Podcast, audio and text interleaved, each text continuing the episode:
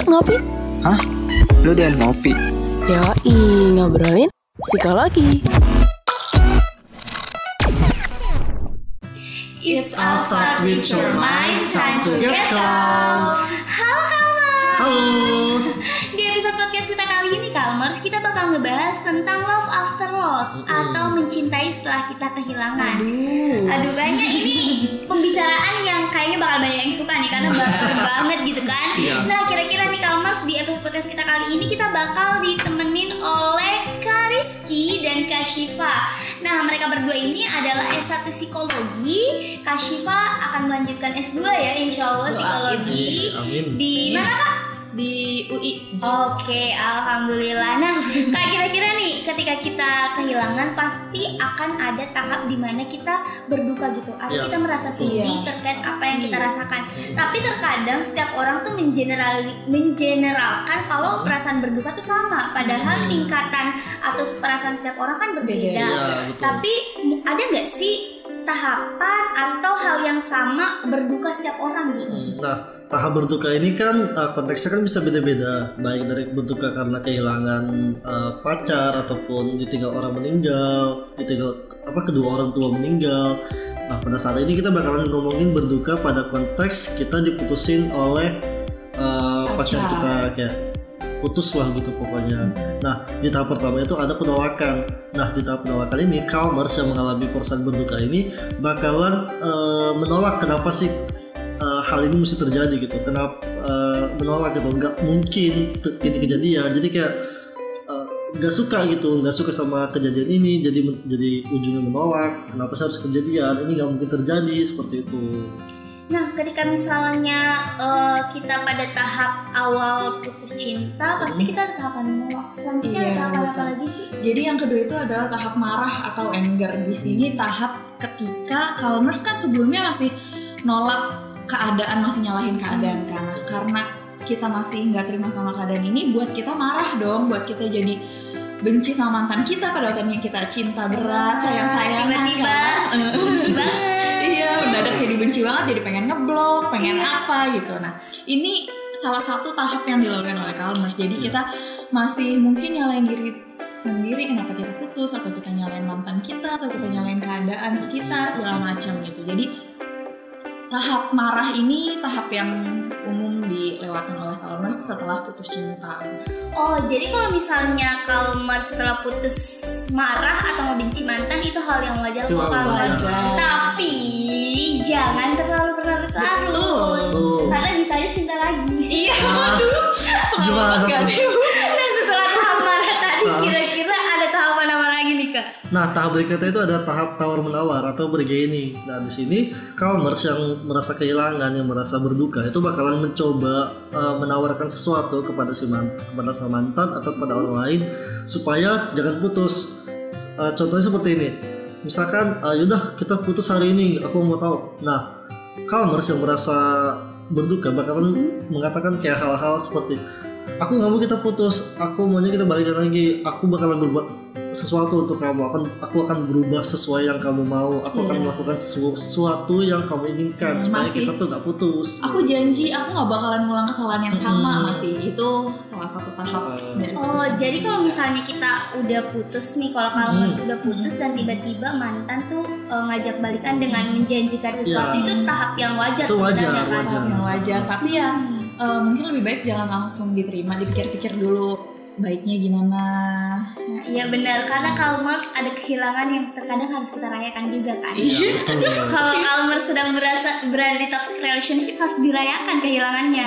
Nah kira-kira setelah tahap tawar menawar tadi ada tahapan apa lagi nih kak? tahap depresi atau depression di sini tahap ketika Kalmers merasa eh, mungkin Kalmers lagi putus ketika lagi kuliah atau lagi sekolah atau lagi ujian gitu terus kita contohnya eh, kita coba buat fokus. Aduh gua gua mau ujian nih gua harus fokus buat ujian gua. Gua nggak boleh mutus eh gua nggak boleh pikirin cowok gue atau cewek gue gitu.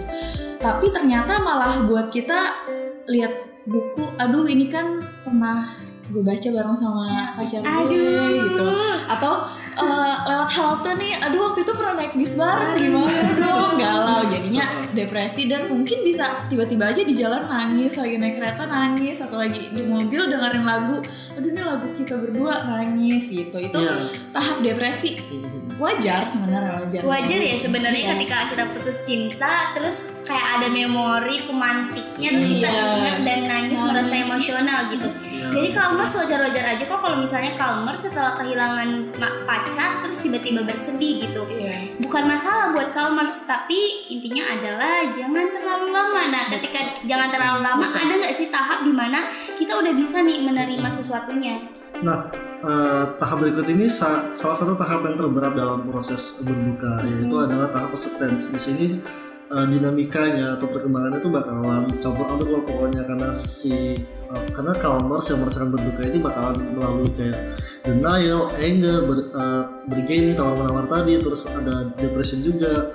Karena melalui tahap ini tuh sangat berat ketika menerima semua tahapan ini, ketika menerima semua kejadian ini, memproses semua informasi yang ada, terus eh, membuat Kalmers itu bakalan susah gitu untuk menerima kenyataan ini. Tapi di akhirnya bakalan Kalmers mau nggak mau pastinya harus menerima kenapa ini terjadi, bakalan menerima oh mungkin ini sesuatu hal yang baik atau mungkin ini memang harus terjadi dan sebagainya bakalan kayak begini.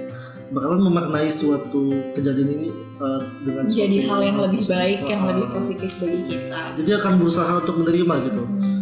Eh, kenapa kenapa ini harus terjadi apakah ini memang terjadi karena kebaikan untuk kita semua seperti itu Jadi Nah, intinya- memang berat banget intinya lebih ke berdamai dengan Diri diri, sendiri. sendiri, dan Sendiri. dengan keadaan sekarang Hmm. gitu jadi mungkin bisa dipikirkan ya inilah yang paling baik buat gue dibandingin gue harus balikan lagi atau gue pacaran Nah, tapi mungkin yang perlu Kalmers ketahui adalah ketika misalnya tahapan berduka ini memang pertama tadi misalnya kita di tahap penolakan, Penolakan. terus kita marah, Hmm. tapi ini nggak selalu berjalan lurus Kalmers. Iya, Misalnya betul. Kalmers di tahap depresi bisa balik lagi ke Hmm, tahap tawar menawar gitu kan. Jadi buat Kalmers yang mungkin mengalami putus cinta tapi merasa kok saya nggak maju ke tahap-tahap berikutnya itu hal yang wajar kok Kalmers yang dirasakan oleh setiap orang gitu kan. Nah, Kak, ketika misalnya tadi kita telah membahas kalau misalnya ada tahapan berduka yang akan dilalui Kalmers ketika dia putus cinta, otomatis kita nggak pengen dong berada di tahap tahapan berduka Iya, ini. Kalmers juga pasti nggak pengen, pengen Iya. beralih ke tahapan Betul. selanjutnya, membuka lembaran baru gitu. Nah, kira-kira uh, ketika kita ingin membuka lembaran baru, istilah kita pengen move on nih, apa Iya. sih tahapan atau apa sih yang akan kita alamin gitu? Mm, Salah satu tahapnya itu adalah mengalah. Jadi itu tahap di mana uh, Kalmers sudah mulai menyerah nih sama keadaan sekarang kayak eh, ya udah deh, eh, ya udah deh kalau misalnya emang putus adalah yang terbaik buat gue dan pasangan gue, ya udah gitu. Jadi lebih ke pasrah dan menerima, iya menerima. Tapi lebih ke setelah tahap menerima acceptance yang tadi setelah putus itu. Oh, jadi misalnya kita putus cinta dan kita emang wajar ya kalau misalnya kita udah terlalu capek mengharapkan sesuatu, Iya. kita pada tahap ya udah Ah, deh ya mau udah gimana deh, lagi ya. jalanin Biar- aja. Hmm, biarpun masih ada sedih-sedih dikit masih aduh dik-duk ketemu mantan gitu tuh ya Memang- yang penting pasrah dulu gitu Memang tahapnya mirip sih seperti acceptance, cuma Mm-mm. eh, mengalah ini lebih di posisi seperti pasti ada proses fight back atau melawan melawan balik Mm. eh, atas kondisi itu. Cuma Kalmers yang merasakan eh, di tahap ini bakalan memiliki perasaan untuk udah deh daripada capek habis-habisin waktu buat habis-habisin energi Iya. buat argumentasi, buat berantem lagi sama mantan, ya udah. Mending sudahi saja gitu. aja.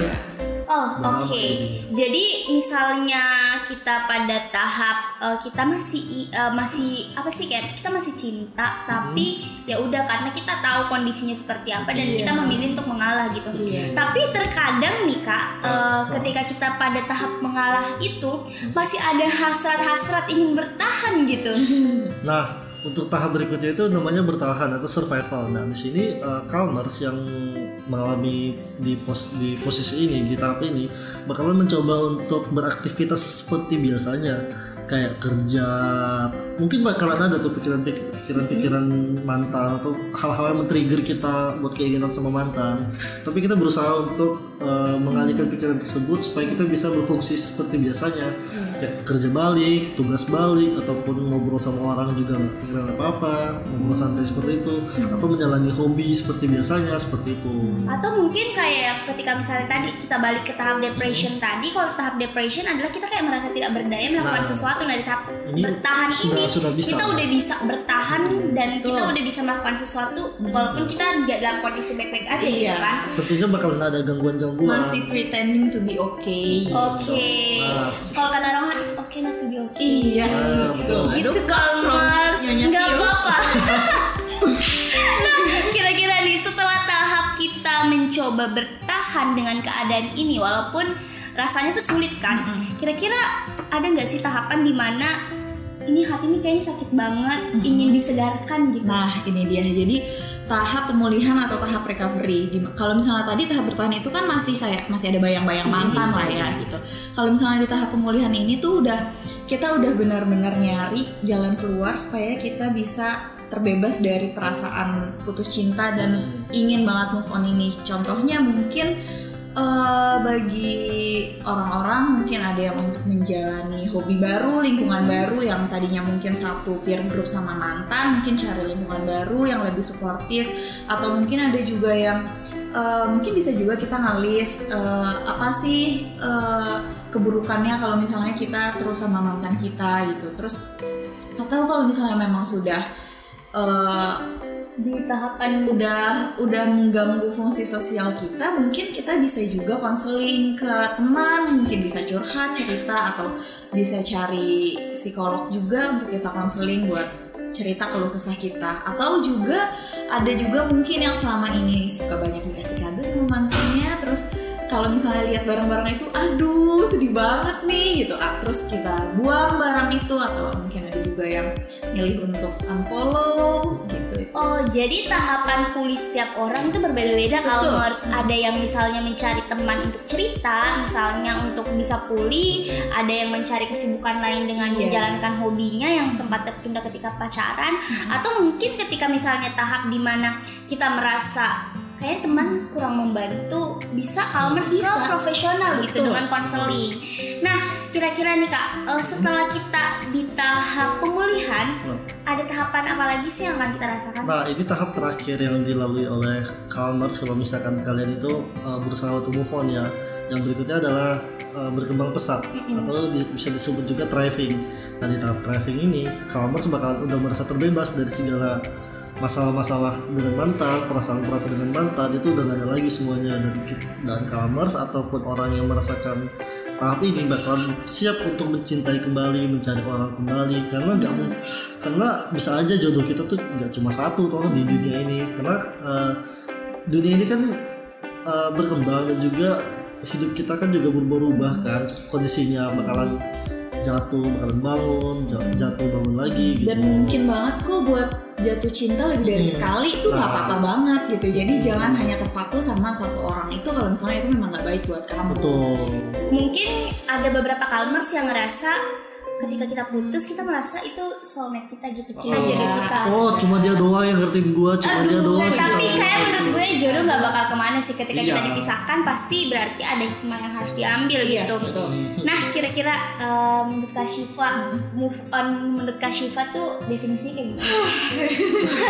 Berat sampai tarik nafas gitu kan? mencari-cari pengalaman Apa? sebelumnya aduh jadi Mengorek-ngorek memori Iya. yang ada. yang udah Jadi mau throwback lagi Iya, nih. throwback lagi aku itu menurut aku move on itu bukan yang mungkin beda-beda ya tiap orang tapi Ya. buat aku sendiri itu ketika kita udah benar-benar bisa fokus sama diri kita mungkin saat ini karir atau kepentingan kita saat ini atau cita-cita kita yang lagi kita raih gitu di saat kita bisa fokus itu tanpa terbayang-bayang oleh dukungan. Maksudnya kita nggak butuh eh, dukungan lain dengan embel-embel pacar gitu jadi nggak. Hmm. gue tuh kayaknya harus punya pacar supaya gue ada motivasi buat ngerjain ini ini ini enggak kalau menurut aku itu di saat kita benar-benar udah bisa berdiri sendiri buat produktif dan menghasilkan sesuatu gitu. Intinya menjadi versi terbaik diri kita iya kan? betul Nah, kalau tadi tuh Kak Syifa, Kak Syifa adalah move on ketika dia bisa menjadi versi terbaik dirinya gitu. Kalau Kak Rizky, move on itu ketika apa sih? waduh cowok nih biasanya agak beda Cowok biasanya agak beda nih Kalmers. Mungkin pendapatku uh, tidak akan mewakili seluruh cowok-cowok yang ada di Indonesia atau di ini ya pasti beda-beda. Uh, kalau menurut aku move on itu itu kenapa sih? Kayak agak gimana gitu kalau Oke, kita ngomong sorry sorry sorry. Nah, jadi move on itu menurut aku ketika kita tuh udah bisa ngubungin uh, mantanku yang sebelumnya ataupun uh, yang mantan mantan itu nggak ada perasaan lagi, udah bisa ngobrol kayak biasanya. Terus juga aku ngerasa dia juga sebagai orang lain bukan sebagai uh, pacarku yang sebelumnya. Jadi aku udah gak ada perasaan apa apa lagi sama dia. Aku udah, Udah bisa ngobrol, baper ya. udah gak baper, udah bisa jalan bareng, coba buat main-main. Kan friends do that. I mean, uh, nggak ada yang salah kan? Jalan ada yang Iya sih, nggak ada yang mantan. salah sih, nggak baper. Mantan Temenan harus jadi musuh Iya gitu. benar sih, kayak gitu sih. yang udah lalu biarlah udah yang udah lalu biarlah berlalu Aduh badai deh.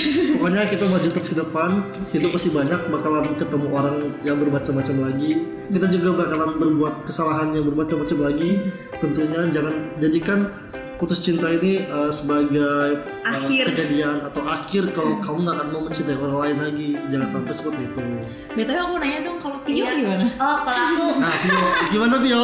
Jadi kalau aku pribadi move on menurut aku adalah ketika aku melihat mantan snapgram dengan cewek yang mukanya di stikerin atau foto kaki doang dan Aduh. aku udah merasa biasa aja itu Oh, move on menurut aku gitu kan sering tuh Pakai biasanya staff ceweknya dulu nggak? eh, alhamdulillah awalnya Oke.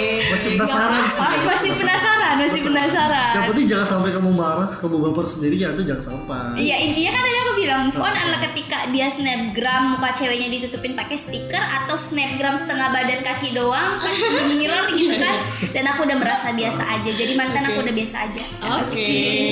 Oke. Jadi selanjutnya nih kak ketika misalnya kita udah di tahap move on otomatis kita bakal beralih ke tahap lainnya gitu aku pengen tahu nih kira-kira kapan sih apa sih ciri-ciri kita dikatakan bisa move on gitu Oke. Siapa dulu nih? Siapa Aku dulu dulu ya? ya. Sweet Sama ide-idenya. iya, pasti dari tiap orang beda-beda dan pasti tuh putus cinta tuh merupakan hal yang salah satu hal yang sulit juga gitu ya. Eh, ketika udah dibilang move on itu mungkin ketika ketemu mantan gak sengaja papasan di mana Hmm. gitu di mall atau di kampus atau di sekolah udah nggak ada rasa-rasa geli-geli di perut udah nggak ada Oh, rasa aku tahu rasanya gitu. itu kalau suka geli gimana gitu. masih kas dulu waktu masih kasmaran ada aduh malu-malu kucing. Kucing. terus pas pacaran rasanya pengen ketemu nyamperin terus ya kan makan siang bareng mungkin nyamperin ke kelasnya bareng kalau sekarang mungkin udah ah ya udah dia lewat ya udah dia juga sama Oh, manusia jadi manusia lain kalau kalau melihat mantan dan sudah biasa saja mungkin itu salah satu iya ciri iya, kalau mas sudah move on gitu. Betul. Nah selain itu ada apa lagi sih Terus abis itu mungkin eh, cewek-cewek nih ya, terutama kalau misalnya kita lagi ngumpul sama teman-teman tuh pasti ngomongin love life dong. Oke satunya, pasti ya kan? cewek-cewek nih. Nah, apalagi kalau misalnya baru putus kan pasti lo tau gak sih cowok gue tuh kemarin gini gini gini, aduh gue sedih banget cowok gue selingkuh atau apa atau apa. Nah, eh, mungkin eh, ketika kita udah ketemu sama teman kita, tapi kita udah nggak curhatin tentang si doi lagi, kita lebih curhatin tentang hal lain yang bahkan dia udah nggak ada di pikiran kita gitu asik kan.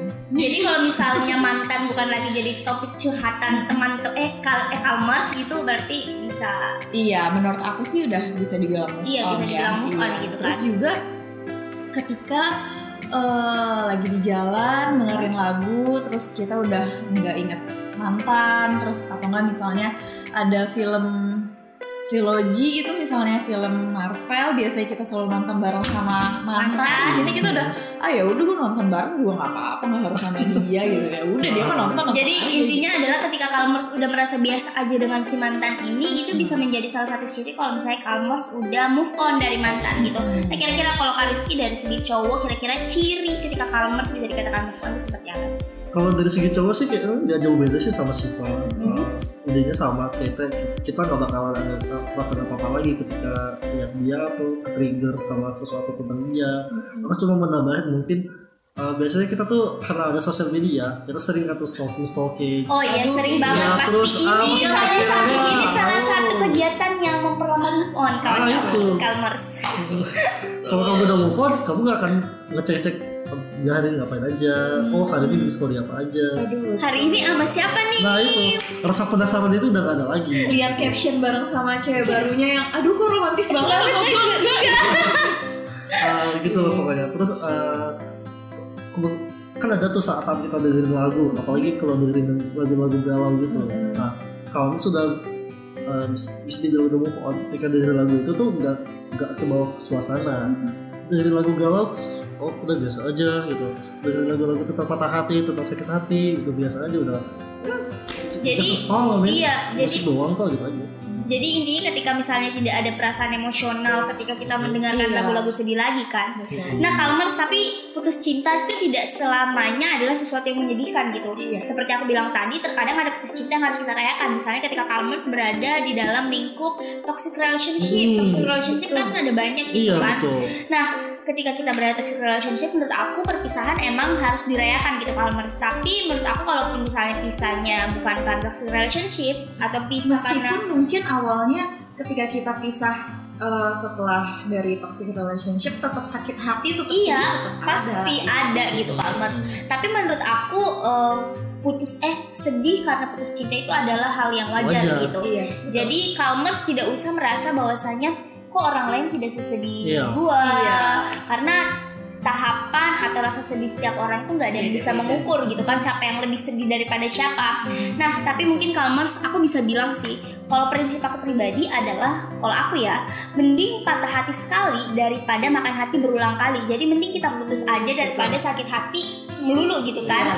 Nah, kira-kira nih Kalmers, kalau misalnya ada topik-topik pembahasan yang akan kita bahas di podcast ngopi ngobrolin psikologi, bisa banget ramen sosial media kita di mana kak? di Instagram get.com Nah sama sih aku pengen bilang juga ya Hmm. Buat Kalmers yang putus cinta dan gak bisa keluar dari perasaan depresi atau sedih Bisa banget cari bantuan profesional ya Iya, Ya, betul. bisa kita eh, ada aplikasi Calm di App Store maupun di Play Store bisa download aja searchnya Calm nanti bisa eh, ikutin instruksi dari aplikasinya nanti kita bisa konseling sama profesional yang ada di Calm. Kalau misalnya kamu ada mau request sama counselor siapa itu juga nanti tinggal masukin unique code-nya aja gitu. Oke jadi Kalmers nggak usah ribet gitu Kalau misalnya Ya, putus cinta nggak ada yang dengerin langsung aja download Calm Dan kita bakal bantu kalian mempertemukan kalian dengan profesional Nah jadi Kalmers jangan lupa ramen sosial media kita di @getcalm .com. at get.com dan Kalmers jangan lupa juga buat uh, request nih kira-kira kita bakal ngebahas apa itu aja Kalmers see you See you. Dadah. Ngopi enak ya. Iya dong, namanya juga ngobrolin psikologi.